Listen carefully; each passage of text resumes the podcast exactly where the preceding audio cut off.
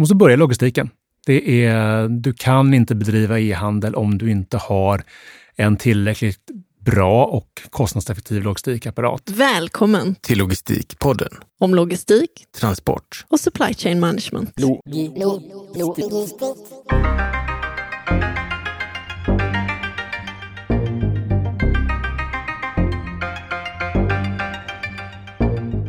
Varmt välkommen till Logistikpodden.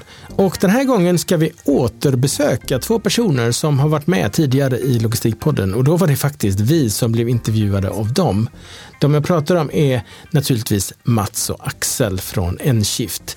De är kända YouTubers, de eh, syns lite överallt i E-handelssverige och alla som har minsta lilla koll på e-handel vet vilka de är. Och nu får vi chans att ställa lite eh, mer detaljerade frågor kring e-handelsindustrin och dess utveckling. Så varmt välkomna till Logistikpodden med Mats och Axel. Varmt välkomna till Logistikpodden där vi idag har eh, fantastiska gäster. Vi har Mats och Axel här som en del kanske känner till, men inte alla. Så eh, vem är ni? Jag kan börja. Eh, jag heter Mats Fischerström, arbetar på Enshift. Jag har gjort det de senaste 15 åren och har med min kollega Axel Lindgren som har jobbat på bolaget i sex år ungefär. Och tillsammans bildar vi Mats och Axel. Vill du berätta lite vad vi gör? Ja, eh, vi har ju vår bakgrund i lite olika roller inom företaget. Eh, jag har jobbat eh, i eh, både tekniska och eh, kommersiella roller. Axel har primärt jobbat mest med, med sälj och affärsutveckling. Och eh, ja, för ett antal år sedan så gjorde vi eh, lite grejer ihop eh, på scen och insåg att vi delar en mängd intressen, inte bara kopplat till ren logistik utan även eh, kopplat till eh, musik och populärkultur och film och eh, märkte att det funkade bra ihop. Och på den vägen är det. Och det är inte första gången vi träffas. Vi har ju blivit intervjuade av er på scen. Det var ungefär ett år sedan när vi sågs på logistik och transport. Då stod vi på scenen där och det har vi också släppt som ett avsnitt i Logistikpodden. Exakt. Hur kändes det? Ja, men det kändes jättekul och det är därför ni är här nu igen. För vi vill prata mer med er. Vi hann ju prata, det, det, det, var lite mer av att ni intervjuade oss där. Och vi tänkte att nu ska vi återgälda det genom att, eh, ja, borra lite djupare i vad ni gör och hur ni ser på framtidens e-handel och eh, branschen överhuvudtaget. Mm, spännande. För om vi börjar där egentligen. Eh, jag tror att många lyssnare har ju e-handlat själva, så att på ett sätt är man lite bekant med det och man vet att det är många avsändare och många mottagare. Men vad är det som är unikt eller speciellt med e-handel eh, från andra delar av logistik, tänker jag? Man kan väl säga att eh, e-handeln är ju såklart en digital kanal i och med att du går in på nätet och beställer det du ska. Men bakom kulisserna så är allting väldigt, väldigt fysiskt och, och eh, det handlar ju om att eh, du har sakerna i ett fysiskt lager, sen måste du plocka dem antingen automatiskt eller manuellt, kan vi komma in på senare. Och sen så ska det ju levereras ut till kunden. Då. Så att den som är som segrare, de som går bäst som e-handlare, det är ju de som verkligen får till den här fysiska logistiken. Eh, och det är ju en jättestor konkurrensfördel om mm. du kan lyckas med det. Och alla vi fyra som sitter runt bordet här eller pratar har ju e-handlat och varit med för tio år sedan när e-handeln såg helt annorlunda ut. Och just inom logistikdelen har det ju hänt enormt mycket de senaste fem åren och även på tio års tid. Så att, som Mats är inne på här, att logistiken är och har varit en konkurrensfördel som väldigt många arbetar väldigt, väldigt mycket med för att bli en framgångsrik e-handlare. För ni pratar om de två olika delarna, den digitala kanalen och sen den fysiska kanalen. Och jag tror att många har ändå upplevt att den digitala kanalen har förändrats rätt så mycket de senaste åren. Finns det någon del av det som är viktigare och hur mycket har den fysiska kanalen också ändrats? Om man tar den digitala först då, så en stor transformation är ju att vi handlar nästan allt mer mobilt. Där mobilen har ju blivit någonstans det digitala fönstret som eh, det är det första vi, eh, tyvärr kan man säga, det första vi eh, tittar på när vi vaknar, det sista vi tittar på innan vi somnar. Vi har med oss telefonen överallt när vi åker till jobbet, när vi är på toaletten. Vi är hela tiden exponerade mot det här och det gör ju också att e-handeln sker då hela tiden.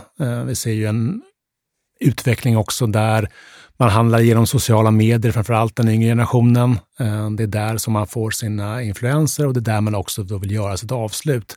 Så att eh, det har varit mycket prat de senaste åren om Mobile First när man, när man utvecklar och nu är det mer en, en självklarhet. Eh, det var inte så länge sedan som du gick in på en sajt på din mobil och så var det jätte, jättelite, du såg ingenting. Eh, och så tänkte du att men här vill jag inte handla. Nu är, händer ju inte det idag. Jag köpte min bil i mobilen. Ska hämta den imorgon. Det var lite det speciellt. Mm. Kändes det tryggt? Ja, men det kändes tryggt. Jag har köpt bil av det företaget på T tidigare. Eh, faktiskt så säger alla i bilindustrin, när man är på sådana här bilindustrikonferenser, så pratar de om företaget som börjar på T. Men de nämner aldrig Tesla vid namn. De är jätterädda för ett digitalt företag. Eh, hela fordonsindustrin, vilket jag tycker är ganska roligt. Jag tänker om man tittar på den fysiska kanalen så hände ju det rätt så mycket i samband med pandemin. Eh, från att man fick de här samtalen hem om att vi står utanför din dörr, du är inte hemma och det var en onsdag klockan tio och man var på jobbet. Till att helt plötsligt så kunde man handla precis när man ville och få det levererat på alla möjliga konstiga eh, och okonstiga sätt och eh, vad man ville. Jag tycker till viss del att det har varit en liten tillbakagång efter pandemin. Eh, det vill säga att eh, det är lite mer försenade leveranser, lite trögare i systemet. Vad, hur kommer det se ut framöver? Är det stabilt? Ehm, jag kan börja med att kommentera den första delen av frågan där, att eh, det har gått en tillbakagång. Jag tror att pandemin gjorde att väldigt många företag fick väldigt, väldigt mycket att göra, alltså transportföretag. Väldigt många e-handlare väldigt mycket att göra Konsumenterna ville handla mer och mer online, vilket gjorde att väldigt många lager blev eh, snabbt tomma. Allt skulle ut till eh, slutkonsument eh, och det här att man då i en checkout, då, en leveranscheckout, skulle kunna säga att jag vill ha mitt paket imorgon. Det blev för mycket paket enkelt, så att det, det, tog för lång tid och transportörernas kvalitet liksom blev då klart lidande när det kommer så enormt mycket mer volym i de kanalerna. Hur det kommer att se ut framöver, eh, det beror på klart lite hur, eh, hur det blir i omvärlden framöver med konjunkturer och allt sånt där. Eh, där jag tror att, vi kan komma in på det senare, sig, det kommer, tror jag i alla fall från min sida, kommer finnas två spår där lågpris, som många vet, kommer säkert öka väldigt mycket. Folk kommer vara mycket mer eh, sugna på att lägga pengarna för att få mycket ut för slantarna. Och när man då vill handla lite exklusivare varor så kommer förväntan på en perfekt leverans vara mycket, mycket större. Så att det kommer, e-handeln kommer säkert ha det tufft, men det, vi kommer inte sluta e-handla. Det är också så att man tittar, som du var inne på, det, att de fysiska kanalerna är ju klart inte lika enkelt skalbara som de digitala kanalerna. Och, och eh, man stöter ju på olika typer av flaskhalsar, ett antal leveransbolag som kanske har startat upp på lite mindre skala och bara kört i storstäder eh, och nu vill man göra det lite, på lite bredare front. Eh, och då är det klart, då blir det ju lite olika flaskhalsar på terminaler och annat som man då måste bygga sig bort från helt enkelt. Jag jobbar hemifrån idag och eh, för en timme sedan så var jag ute och tog emot en e-handelsleverans av två stycken ytterdörrar som vi har beställt från en stor bygghandlare i Sverige. Jag nämner inte vilka de är för de har strulat. Först, och det, det, min fråga är lite grann, typ hur står det till med informationsdelning i det här segmentet? För att jag la ordern, det dröjde två veckor, det hände ingenting. Jag fick en orderbekräftelse, sen så mejlade jag en support och då helt plötsligt rasslades det till. Helt plötsligt debiterades mitt kort, typ inom tio minuter. Och sen kom en eh, orderbekräftelse och då visade det sig att de här dörrarna skulle då dropshippas från en underleverantör till den här bygghandlaren. Eh, och dropshipping är alltså att de inte har grejerna i lager utan det skickas direkt från underleverantören. Och det är väl fine och jag fick en leverans planerad, jag var tvungen att vara hemma för det var ju stora bygggrejer, då kan man inte droppa det bara. Och så visade det sig att en av dörrarna är fel. Eh, jag gick tillbaka till min order och tittade, jo då, jag har matat in rätt dimension och att den ska vara högerhängd och så vidare. Och ändå fick jag en, en decimeter för hög dörr. Eh, någonstans har det ju brustit i det här och det här är ändå en stor aktör. Borde vi inte klara av det nu 2023? Sådana här saker. Generellt så ja, absolut. Det borde vi klara av. Sen är det ju frågan om vad det är som har eh, brustit här. Nu är det två egentligen olika saker du beskriver. Det ena är ju den totala bristen på information från det att du lägger din order tills dess att du får någon besked om leverans. Och det tror jag är lite självsanerade framöver. Att, att eh, om man inte löser det som aktör så, så kommer ju inte kunderna att, att komma tillbaka då. Eh, det andra är ju kopplat till själva felleveransen ehm, då, eller att du får fel sak, eh, vilket klart får, får stora konsekvenser. Och där är ju det ligger ju mer kanske i, i byggbranschen. Man kan fundera vilka typer av olika valideringar som, eh, eh som kan göras där. Var det så att det var två dörrar som, som skulle ha samma dimensioner och där det var uppenbart att man kunde förstå det? Eller, var, som är alltid med som maskiner så är frågan hur, hur lätt är det att förstå eh, vad du är ute efter? I det här fallet var det samma dörrmodell, eh, fast den ena var högerhängd, den andra var vänsterhängd och en skulle vara Eh, en eh, 210 hög och en skulle vara 200 hög. Så att det var två olika artikelnummer. Och de är rätt på min beställning. Men på följesedeln och så står det att det ska vara två, uh, att den ena är fel helt enkelt. Så det är en annan artikel? Som en annan artikel har jag fått. Så att det har skett något i överföringen mellan då e-handlaren och deras partner här. I det här fallet den här leverantören då av dörrar. Någonstans där har det blivit fel. Nej, men det är ett klassiskt problem att när du har ett stort antal eh, aktörer, du har ett stort antal som underliggande system som ska kommunicera med varandra och att då se till att eh, ingen information tappas bort. Det är en utmaning. Det finns ingen liksom, eh, quick fix på att lösa det i alla kanaler, men, men absolut, när vi är så pass digitala som vi är så bör det kunna lösas. Man kan också fundera i vilken i vilken mån man skulle kunna lägga på någon form av AI-filter som bedömer en, rimligheten i att det här är det du har beställt. Eh, det är möjligt. Eh, men när det gäller liksom leverans och förutsägbarhet i, i leverans eh, så jag vet inte om dropshipping i, eh, är ett problem i sig. Men klart, det blir en ytterligare part eh, som, eh, som ska in på samma flöde. Eh, och så vill du att, beställer du flera olika artiklar så vill du att det ska liksom konsolideras på något sätt. Det här är ju någonting som vi pratar byggbranschen specifikt, så, så är ju det någonting som har funnits i liksom B2B-flödet ganska länge, att om du bedriver professionellt bygge så beställer du saker från olika olika leverantörer så, så eh, har många någon form som konsolideringstjänst där den bara körs ut. Eh, det konsolideras på någon transportterminal, sen körs det ut i en sändning till dig. Där ligger ju B2C lite efter. Jag tänker det här exemplet som vi har nu, att någonting har gått fel, eh, det tror jag de flesta kan relatera till. Man har köpt någonting och, och skillnaden är ju att man upptäcker det först när det kommer hem till dig. Eh, Medan annars så går det att titta på det i en butik kanske och är fysiskt närvarande.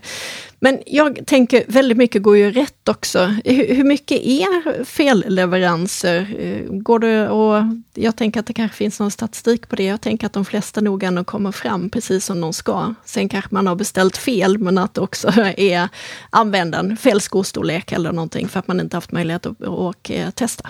Transportörernas kvalitet, om, om vi pratar om eh, när leveranser går bra eller dåligt, eh, tror jag såklart har blivit bättre. Det är också kanske transparensen av, för konsumenten att kunna följa sitt gods i realtid har ju då förändrats väldigt, väldigt mycket. Så man har mycket större insyn som konsument i vad som händer under en pågående leverans.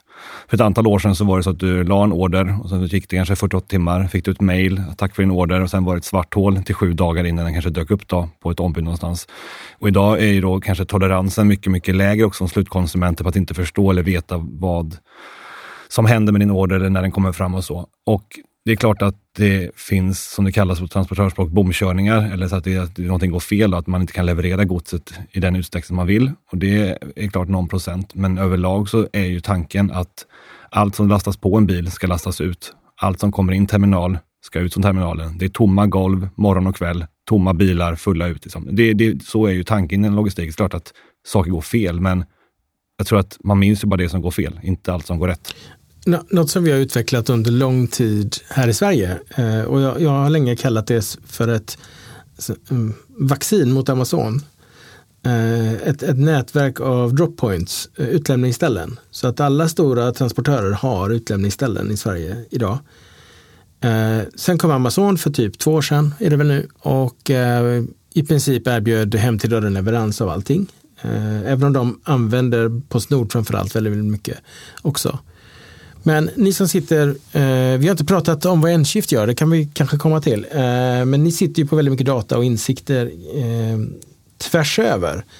hela branschen. Är det så att vi går mer och mer över på hemleverans eller fortsätter vi att använda våra utlämningsställen? För det är ju något som för transportörens, ur transportörens perspektiv är väldigt bra.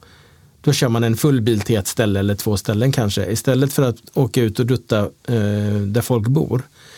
Eh, så man kan tycka att branschen gärna skulle vilja ha kvar utlämningsställena. Men hur är det med oss konsumenter? Jag tror att det är lite olika aspekter på det hela. Eh, dels så är ju ombudsleveransen, den är ju fortfarande väldigt populär. Den står för en väldigt stor del av den svenska e-handelsleveransen av lite olika orsaker. En orsak är såklart historisk, att det är det gamla postombudet där man går och hämtar sitt paket. Det finns ju fortfarande ganska rotat i folksjälen. Sen så är det ju också, om man tittar eh, lite liksom jämförelsemässigt med i andra länder, så är, är det klart att andelen, man bortser från pandemin då, så är andelen personer som är hemma är betydligt lägre än vad det är kanske nere på kontinenten där kanske inte eh, bägge partners i ett förhållande arbetar fulltid. Då är ju ombudsleveransen är ju betydligt viktigare då när du vill få det att passa in med din vardag. Så det är ju en sak. Eh, så att preferensen tror jag att nu när man dessutom nästan överallt kan välja vilket ombud som man vill få sin leverans till eh, för att det ska passa så bra som möjligt, om det är nära hemmet eller nära jobbet eller gymmet eller dagis eller vad det kan vara. Så det är ju en sak. Det andra är ju en ren kapacitetsfråga. Att om vi tittar på, skulle vi ställa om leveransmodellen i Sverige och bara köra hemleverans på allting så finns det inte kapacitet för att göra det. Det, det går inte. Däremot så skulle ombudskanalen säkert kunna sluka den totala e-handelsvolymen om man skulle skruva om det där. Så att eh, det är ju en effektiv modell. Ja, men exakt. Jag och Mats skrev en artikel för ett år sedan där vi just räknade och analyserade lite på det. Om, om alla skulle säga att alla konsumenter vill bara ha hemleverans, så har vi den paketvolymen vi har, så klarar inte det finns inte tillräckligt med bilar att liksom köra ut hemleverans på det sättet. Men som Mats var inne på, att däremot så skulle 100% ombudsleverans fungera. Så det finns ju Sen, sen har ju, om man tittar på hemleveransen, eh, så ja, den har ju långsamt tickat uppåt. Det är klart, det blev ju ett skifte under, under pandemin, som ni var inne på tidigare, där plötsligt hemleveransen blev någonting som var ganska praktiskt. Om man tar eh, för ett antal år tillbaka i tiden så var ju hemleverans var ju förknippat med ett stort eh, bekymmer att vara tvungen att passa in, att vara hemma under en ganska lång tid och så kanske du var hemma och så fick du ändå lapp på brevlådan att vi var hos dig idag, fast de inte var det och nu ligger ett paket på Arlanda. Vi ses där. Det är ju klart inte så roligt. Eh, till att eh, plötsligt så eh, med ett antal nya aktörer så, så vande man sig att en hemleverans fungerar. Det är ganska smidigt. Eh, så att den har ju, hemleveransen har ju blivit bättre och, och, eh, och mer populär, men det är fortfarande långt ifrån det som det enda som folk vill ha. Jag tänker när vi pratar om e-handel, eh, det ökade ju som sagt var under pandemin, men hur, hur stor är e-handeln idag? För det finns ju många konsumentprodukter där många handlar på nätet, men det finns också väldigt många produkter som vi fortfarande handlar på traditionellt sätt. Så var, var ligger vi idag i Sverige och kanske även i världen? Men tittar man på de svenska siffrorna så var landade de på 2022 136 eh, miljarder. Eh, om jag inte minns fel. Och någonstans kanske en 15-16 procent av den totala eh, detaljhandeln som, som sker på nätet. Sen varierar det klart mycket över, över olika branscher. Eh, och där vissa branscher kanske man känner sig mer bekväm att handla eh, i, eh, i en fysisk butik. Det, BO har inga problem att handla en, en, en bil i mobilen, eh, men det är inte alla som kan göra det eller som känner att de kan göra det. Så eh, Sen var det mycket prat om, eh, om dagligvaruhandel eh, som fortfarande är en liten del av e-handeln men som klart växte enormt under pandemin. Var ska det landa någonstans? Men det handlar lite om vad är det, vad kan man erbjuda i de olika kanalerna och hur kan de olika kanalerna lära sig av varandra och hur kan de olika kanalerna samverka? För man ser ju också det som Mats är inne på just med livsmedel eh, online som fick klart en jätteskjuts under pandemin då, som sen då nu kanske inte har det lika lätt. Vissa går det kanske bra för, men det som många diskuterar just kring varför det fungerar att handla mat på nätet under pandemin och nu går man tillbaka till butik, det är att matvarubutiken har ju svårt att skapa samma upplevelse digitalt som man har i en fysisk butik, där väldigt många är då klart uppvuxna eller bekväma att handla i en butik nu när man inte har restriktioner längre. Och kollar man till exempel på ett land som UK som har haft, eh, man köper mat på nätet i kanske 20-25 år, som fortfarande efter pandemin har stark eh, liksom tillväxt online för mat, så lyckas Sverige på något sätt inte riktigt bibehålla konsumenterna där. Man vill gå tillbaka till någonting som känns bekvämt och tryggt. Man kanske handlar vissa saker digitalt med matvaror, men fortfarande så är det på något sätt tycker vi i Sverige om våra butiker på något sätt kanske, mer än på andra ställen. Jag vet inte. För mig, för vi har faktiskt gjort så att det har blivit en tillbakagång, men det har egentligen mer med att vi upplever att sortimentet eh, i näthandeln, alltså de eh, digitala eh, matbutikerna, har minskat faktiskt rätt så drastiskt. Ehm, så att det som vi inte hittar där behöver vi ju gå till en fysisk butik och när vi ändå är där, då är det nästan lika stor poäng att handla allting. Ehm, och det där eh, funderar jag lite på, just det här med sortiment och e-handel. Är det enklare eller svårare att erbjuda ett större sortiment? Det är betydligt enklare att erbjuda ett större sortiment i en e-handel eh, i och med att du inte behöver liksom, eh, lagerhålla allting i, på, på en mindre yta. Så det är väl den stora, eller en av de stora fördelarna med den digitala kanalen, att du kan eh, ha den tillgången till att eh, så mycket artiklar eh, som du kan få inom, eh, på så pass enkelt sätt. Ja, jag kan ju också gå till mig själv och se att vi har också återgått till att handla mer i mataffär. Inte på grund av sortimentet som sådant, utan på grund av att eh, mat har blivit så förbannat dyrt. Så nu vill man eh, verkligen hålla koll på vad man köper när man är där och se vad som är nedsatt pris. Och helt plötsligt har de rabatt på en viss typ av smör. Eh, jag, jag, kan tänka mig att ta min lön i smör numera. Alltså det är ju sanslöst dyrt. Det där. Så att för oss har det blivit en, eh, en, en eh, nödvändighet egentligen att gå och kolla för att eh, under en period här så var ju priserna helt horribla. Och att då lämna ut sig till ett nätsortiment, det har inte känts tryggt för oss. Eh, irrationellt eller inte, jag har ingen aning. Men vi handlar i princip bara i butik numera. Men det finns ju också, måste tänka på att det finns olika aspekter av shopping och varför du handlar saker. Där är ju inte, det är inte bara själva varan i sig som är det intressanta alla gånger, utan det är ju upplevelsen som ligger bakom. Om man tar till exempel köpa musik på vinyl, som jag, som jag gör då, då är ju det, nu, det är ju för lätt i den digitala kanalen. Jag kan ju gå in på nätet och så kan jag alla typer av sällsynta skivor som jag vill hitta, kan jag hitta. Sen kan det bli dyrt, absolut. Men själva jakten finns ju inte på samma sätt i den digitala kanalen och det är ju ett bekymmer och det är därför som jag hellre går runt eh, på Södermalm i Stockholm och, och bläddrar i skivbackar för att hitta den här grejen som jag inte hade. Och det, det är ju den trögheten som, som eh, skapar själva shoppingupplevelsen.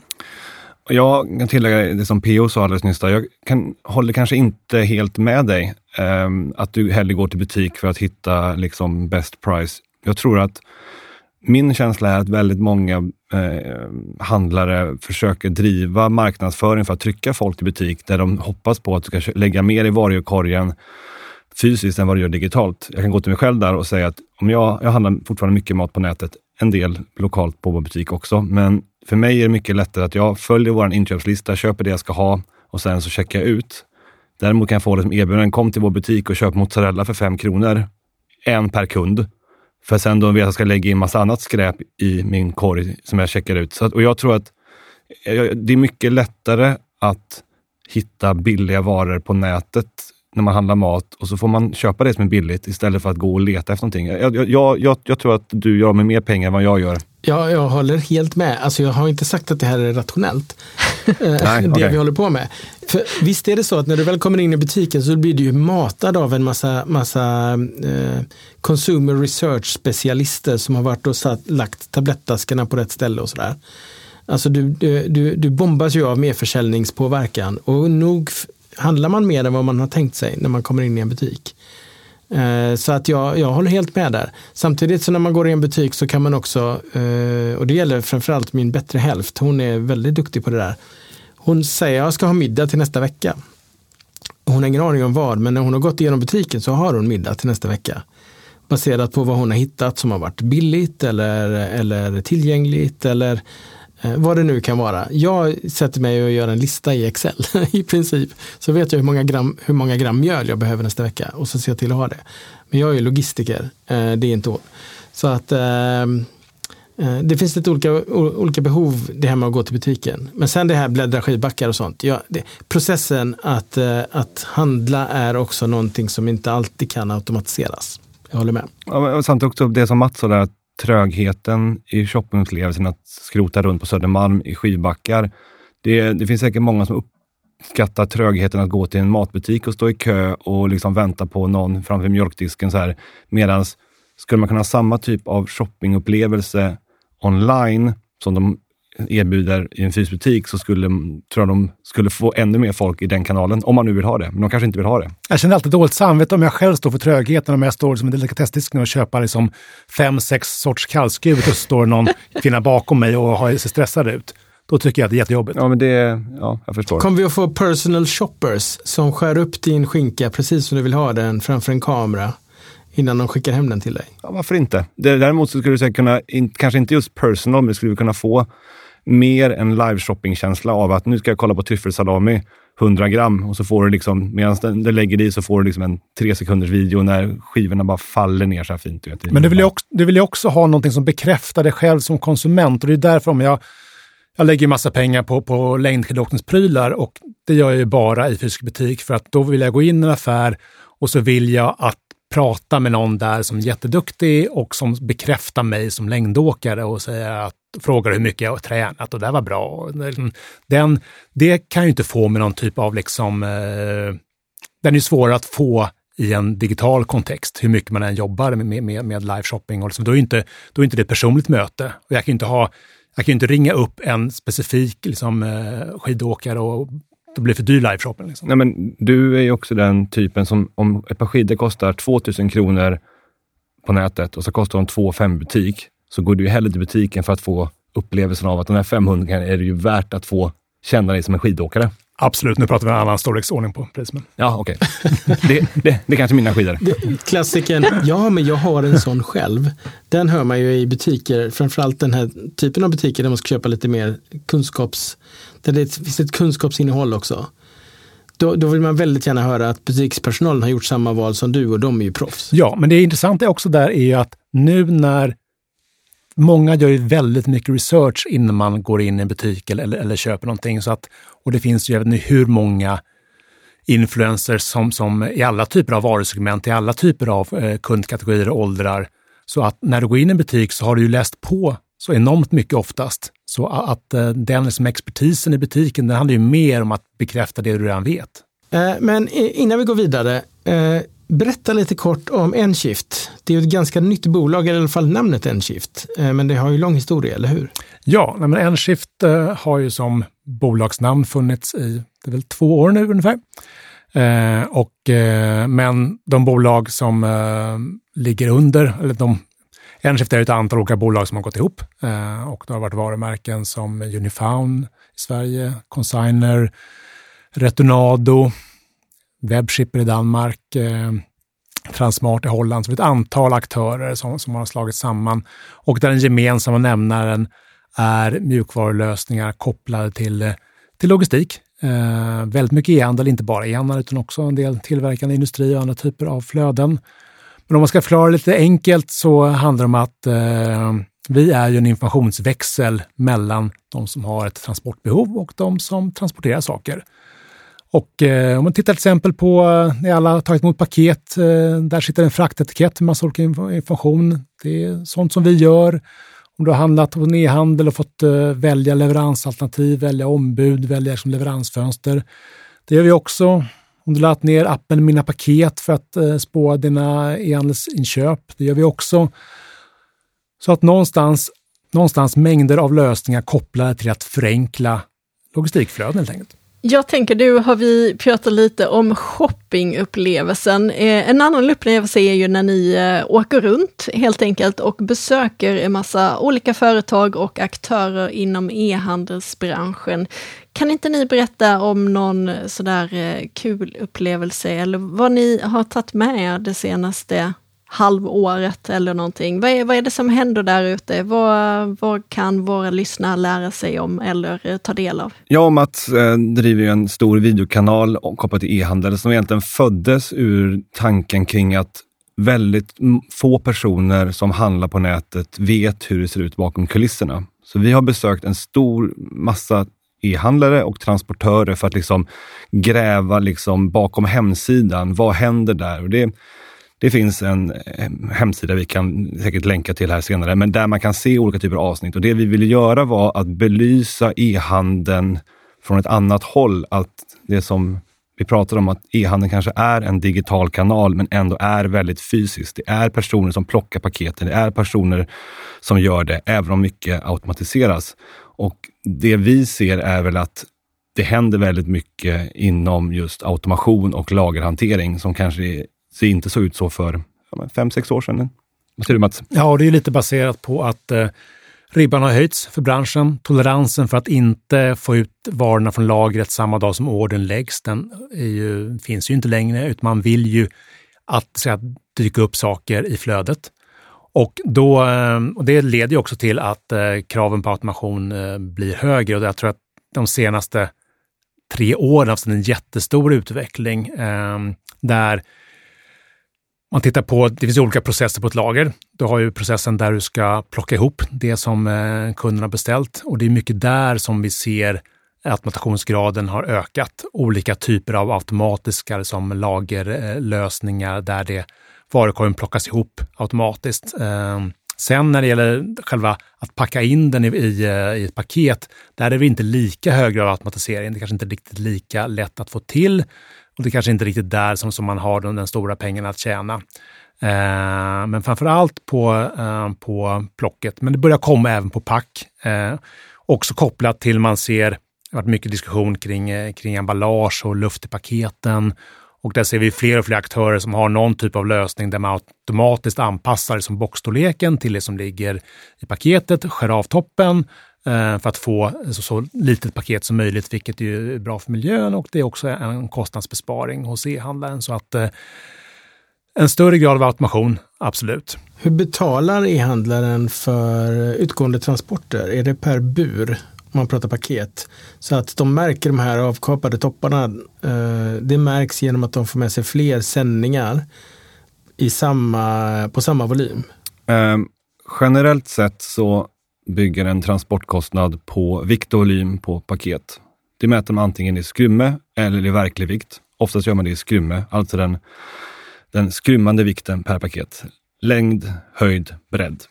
Och Det görs oftast, antingen skickar e-handlaren in den informationen till transportören, men oftast brukar transportören själva göra det i en så kallad vikt och volymmaskin när det skannas på första ankommande terminal.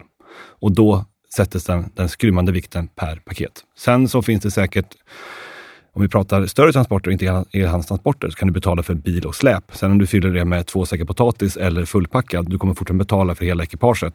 Men just e-handelspaket debiteras per paket skulle jag säga överlag. Även, eh, jag tänker alltså små paket nu här. Jag tänker alltså inte, jag vet att man skrymmerberäknar en pall till exempel om man kör styckegods. Men det här är ju nästan uteslutande paketgods eh, när vi pratar e-handel, framförallt konsument. Men det som lämnar en, eh, ett lager är ju eh, kanske till och med ett helt last då per dag eller flera gånger per dag om det är en stor e-handlare. Betalar man då det eh, per rullbur, man lägger det i rullbur oftast, det läggs ju inte på pall. Eller mäts varje pakets volym och så har man en taxa för det. Varje paket mäts. För om du skickar paket som är 30 gånger 30 gånger 30 och så har du fyra bomullsfjädrar i eller så har du tenn där i så kommer du få betala mer för tennet. Liksom, ungefär. Det skruvas upp lika mycket. Sen handlar det om att du kommer betala för antingen den verkliga vikten eller den skruvade vikten, den som är högst alltså. Liksom det, som, det som väger mest så att säga. Så att absolut, så, så hur mycket du kanske effektiviserar på att minimera luft, vilket gör att paketet blir ju mindre då, än att du skickar massa luft. Så det är klart, som Mats var inne på, det är jättebra att man minimerar luftpaketen, för då debiteras du mindre. Så alla e-handlare vill ju få så lite luftpaket som möjligt, både miljömässigt men såklart även för att det blir billigare. För att du har en taxa då kanske från 1 till 20 kilo eller intervall etc.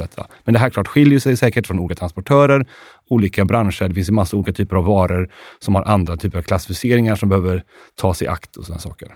Men absolut, Nu pratar vi då kanske paket 1 till 20 kilo som ska hanteras i e-handels liksom, ombudsnätverket etc. Om man tänker nu eh, har vi pratat om automation och lagerhantering. Eh, finns det några andra trender som man eh, ska ha koll på om man är nyfiken på e-handel? En stark trend är ju att eh, vi har ju många aktörer som då både bedriver e-handel och även bedriver eh, fysiska butiker. Eh, som oftast kanske kommer ifrån den, den traditionella eh, butikshandeln och då lägger på eh, e-handel på detta. Då kan det vara en liten utmaning för att det är olika processer om du har eh, lagerhållning och eh, pack och sånt för att eh, fylla på butiker eller om, om det är e-handelsordrar. Där butikspåfyllnaden är ju jag ska inte säga att den är mer förutsägbar, utan det är klart det, det styrs ju av hur mycket som eh, säljs i olika butiker och olika prognosverktyg och, och, så vidare. Men det är ju någonstans, du skeppar det kanske en gång per dag eh, under ordnade former så att säga. Medan en e-handelsorder, den måste ju flöda igenom så fort som möjligt och plockas på en gång för att det är det som är konsumentens förväntan. Och, och där är det klart, om du inte liksom uppmärksammar att det är här i olika processer, det kanske är svårt att hantera det i samma lager, men då kan det bli så att eh, e-handelsorden får, eh, får lite svårare för att du har en process som bara är optimerad för butikspåfyllnad. Och det är klart, det är ingenting som konsumenten skulle behöva känna till. Och det är ju, men klart, är man logistikintresserad så kan man ju liksom kanske då förstå okay, varför, varför eh, ser det ut som det gör och varför tar min order lite längre tid. Det beror lite på hur man lägger upp det. Är det, är det så att det finns tydliga trade-offer mellan hastighet och, och eh, leveranskostnad, leveranspriser? Har det börjat ta sig in nu? För det här med fraktfritt, den debatten har vi väl egentligen snart, tror jag, kommit förbi. Alla inser att det inte finns någon, någon fri leverans, att någonstans betalar man ju för den. Men just det här att en långsammare leverans har man ju faktiskt möjligheten att göra mer effektiv än en snabb leverans. Ser vi att det börjar få genomslag? Den typen av differentieringar? Jag tror att om man tittar på eh, extremt snabba leveranser och, och eh, det vi pratar om leverans samma dag eller någon form av liksom direkt kurirbud, ja, då är det klart en ganska ordentlig kostnadsaspekt på det. Om vi tittar på de mer standardleveranserna så är det ju i princip överallt i Sverige så kan du skicka och få det fram det nästa dag. Och då, eh, beroende på hur du ligger med dina cut-off-tider och när transportören kommer och hämtar, så innebär det att det inte nödvändigtvis så att, att eh, om du om du erbjuder en leverans på två till tre dagar så är det inte nödvändigtvis så att den automatiskt blir billigare för någon av parterna bara för att du väntar en extra dag, om du ligger rätt i tidtabellen då. Diskussionen kring fraktfritt är ju väldigt intressant. Det är ju förvånande att folk tror att någonting kan vara fraktfritt. Vem är det fritt för? Och det, det fanns ju olika reportage som gjordes för ett antal år sedan där man diskuterade vem som betalar för frakten. Och det är uppenbart att det är e-handeln som betalar för frakten. Och det är, många konsumenter trodde att det som står i kassan för fraktpris är det som transportören tar betalt av e-handlaren, vilket är helt fel. Det helt, ser helt annorlunda ut. Och det, för tio år sedan så var det ju väldigt många som hade fraktfritt som ett konkurrensalternativ. Men idag ser man ju färre och färre e-handlare som erbjuder fri frakt för att man inser att här kan man få tillbaka lite pengar som man kanske har givit bort tidigare, om man inte har väldigt bra avtal med transportören. Och jag tänker, vi har många, både studenter och folk i ledande ställning som lyssnar på det här. Eh, om de är nyfikna, både tänker jag att lära sig mer om e-handel, eh, men också kanske vill etablera sig, vill ha bästa råden och tipsen av er som har varit ute och nosat på så många olika delar och eh, samlar kunskap om de här eh, branscherna. Eh, vad skulle ni säga till dem? Jag skulle säga att eh, du måste ju börja någonstans med du måste börja i logistiken. Det är, du kan inte bedriva e-handel om du inte har en tillräckligt bra och kostnadseffektiv logistikapparat. Eh, det, det, du kan ha världens snyggaste hemsida, du kan signa upp vilka influencers du vill och liksom lägga massa pengar på marknadsföring. Men om du inte kan få ut grejerna tillräckligt bra, tillräckligt snabbt, tillräckligt billigt Eh, till dina kunder, då kan du inte bedriva e-handel. Och på samma sätt så behöver du förstå att konsumenterna idag, som Mats är inne på, har en väldigt, väldigt stark relation till transportörerna. Det kommer vara så att beroende på vilken målgrupp du säljer till, kommer den målgruppen eller de personerna ha en speciell relation, en speciell favorit till en viss transportör. Och Det arbetet behöver man göra och förstå. Och att tro att man kan ha en transportör i kassan och leverera tre till sju dagar, då kommer du inte lyckas med e-handeln. Du måste hela tiden ha ett brett utbud av transportörer, olika leveransalternativ, liksom sätta, konkurrenssätta dem mot varandra. Det är klart svårt i början när du har lite volym. Men det är klart att det, man behöver förstå att leverans och betalning är en väldigt stor del av dagens e-handel och en väldigt stor del av själva kundupplevelsen när man handlar, som kanske inte var för tio år sedan. Sen är det också intressant att titta på vilka typer av brytpunkter man har när man växer. Det är klart att starta upp en ny e-handel Ehm, och inte har några kunder överhuvudtaget, då är det inget större problem att ha sakerna i ditt garage och eh, gå med dem själv till, eh, till ett ombud för att eh, få ut dem. Sen takt med att du växer såklart att du får börja titta på okej, okay, i vilket läge är det kanske intressant för mig att, att, ha en annan typ av lagerlösning? Jag kanske vill gå till någon form av 3PL-aktör. Sen växer du ännu mer. Det är många som går till 3PL-aktörer och sen man kommer till en viss volym så tänker man nu kanske jag ska plocka hem det här av olika skäl. Um, så att hitta någonstans den typen av eh, logistikapparat och logistiklösning som, som är, är rätt eh, i, det läge, i det läge där du befinner dig just nu. För det ser ändå jag och Mats när vi ser ute på just ja, 3PL-aktörerna, att den marknaden växer. Ehm, fler etablerar sig, fler små och medelstora e-handlare. Kanske just även nu hur konjunkturen ser ut och så, så väljer man att kanske köpa den tjänsten istället för att ha massa personal själv. Så att jag tror att små och medelstora e-handlare, och kanske vissa större e-handlare, kommer söka sig till någon form av typ CPL-aktörer som kan ta hand om kanske både inbound-gods, liksom plocka upp det, packa upp det, lägga det på lager, plocka ordrar, skicka ut det, ta hand om returer, svara i kundtjänst. Mycket av den delen märker vi att det finns ju, det kan man ju bara kolla runt själv. Eh, ni vet också att många aktörer jobbar ju just med CPL-utveckling och ja, mycket händer ju uppe i Norden just nu. Om man skulle då titta, avsluta med att titta kanske fem år fram. Det är ändå ganska lång tid eh, när man pratar om e-handel som har utvecklats ganska snabbt. Hur, hur ser vi den här utvecklingen då? Med tre, kommer 3PL-aktörerna att bli större och större och ta åt sig även stora volymer? Eller ser vi den här avknoppningen att till slut blir 3PL för dyrt, man vill äga och drifta själv? Eh, och eh, kommer det att påverka oss konsumenter? Eh, den här typen av strukturomvandlingar som vi ser? Låt säga om fem år. Jag kan, det som jag tror är, kommer ske framöver är att vi mycket av det här som sett senaste året med konsolideringar. Många mindre bolag går ihop och man börjar hitta synergi tillsammans. Jag tror det kommer vara jag tror inte jag har sett slutet på den konsolideringsresan, både för e-handlare, transportörer och andra leverantörer, där man kommer behöva hjälpas åt för att nå lönsamhet och inte bara omsättning. Så de närmsta fem åren kommer säkert hända en hel del med både inom logistiken, transportörssidan och inom e-handeln. Vi har nog sett bara början där och vart det slutar, det är klart jättesvårt att säga om, men eh, ja, nej, jag, får, jag kan inte ge något exakt svar om fem år på den frågan. Men konsolideringsresan har börjat för många branscher. Jag tror också att man tittar på, eh, på logistiken igen och, och eh, så ser vi en utveckling där fler har eh, egna butiker, antingen att man kommer från, från en traditionell retail eller att man, man eh, kommer från en ren e-handel och startar upp ett, ett butiksnät. Och när man då kan lyckas använda de här butikerna som, som eh, mikrolager eh, och då kunna komma närmare kunden, eh, både ur ett tidsperspektiv men också ur ett hållbarhetsperspektiv. Det här har ju gått ganska trögt. Det är inte så många aktörer som har gjort det här riktigt, riktigt bra. Men när man får till det och eh, kan liksom plocka större delen av varukorgen i, i en lokal butik och eh, då kan om man tar till exempel när, mot julhandeln så är, har du ett effektivt butiksnät och kan, kan eh, plocka i butik så kan du ju kanske fortsätta julhandeln en, två, tre dagar till äh, än om du har allting i ett centrallager någonstans. Så det är jättestora pengar att göra och jag tror att det har ju varit kanske mycket en systemmässig utmaning och för att knyta an till det du sa i inledningen, PO, att eh, hur svårt kan det vara att få till den här typen av, av, av dataöverföringar? Det är tydligen svårt. Men eh, det har aldrig varit så bra som det är nu och jag tror att det kommer bli ännu bättre.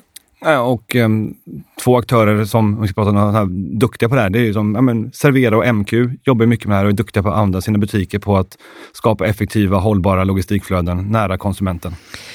Och eh, jag tänker att vi har fått med oss en hel del. Vi har både tittat lite tillbaka med eh, pandemin och, och kicken som det gav och eh, in i en lågkonjunktur och lite annat. Och eh, vi har också fått nosa lite på framtiden. Eh, så att vi säger ett stort tack till Mats och Axel. För de som lyssnar och vill höra mer av er, var hittar man er kanal? Det enklaste är att googla Mats och Axel och sen online hub så kommer man till våran sida via Google. Där. Och vi kommer såklart lägga länken i eh, show notes också från idag. Stort tack eh, Mats och Axel för att eh, ni tog tid och deltog i intervjun. Tack för att vi kom med. Tack. Hej då.